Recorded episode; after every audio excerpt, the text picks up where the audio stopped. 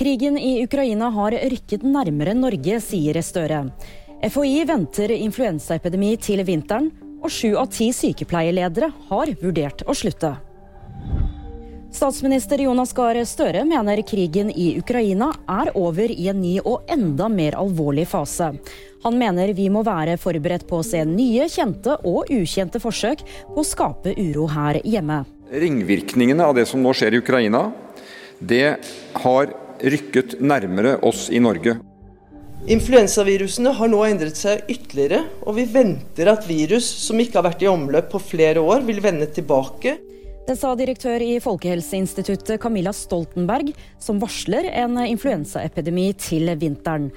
Både FHI og Helsedirektoratet er bekymret for vaksinasjonsdekningen, spesielt barn i risikogruppene. Sju av ti sykepleierledere har vurdert å slutte de siste tolv månedene. Det viser en ny undersøkelse gjort på oppdrag for Norsk Sykepleierforbund.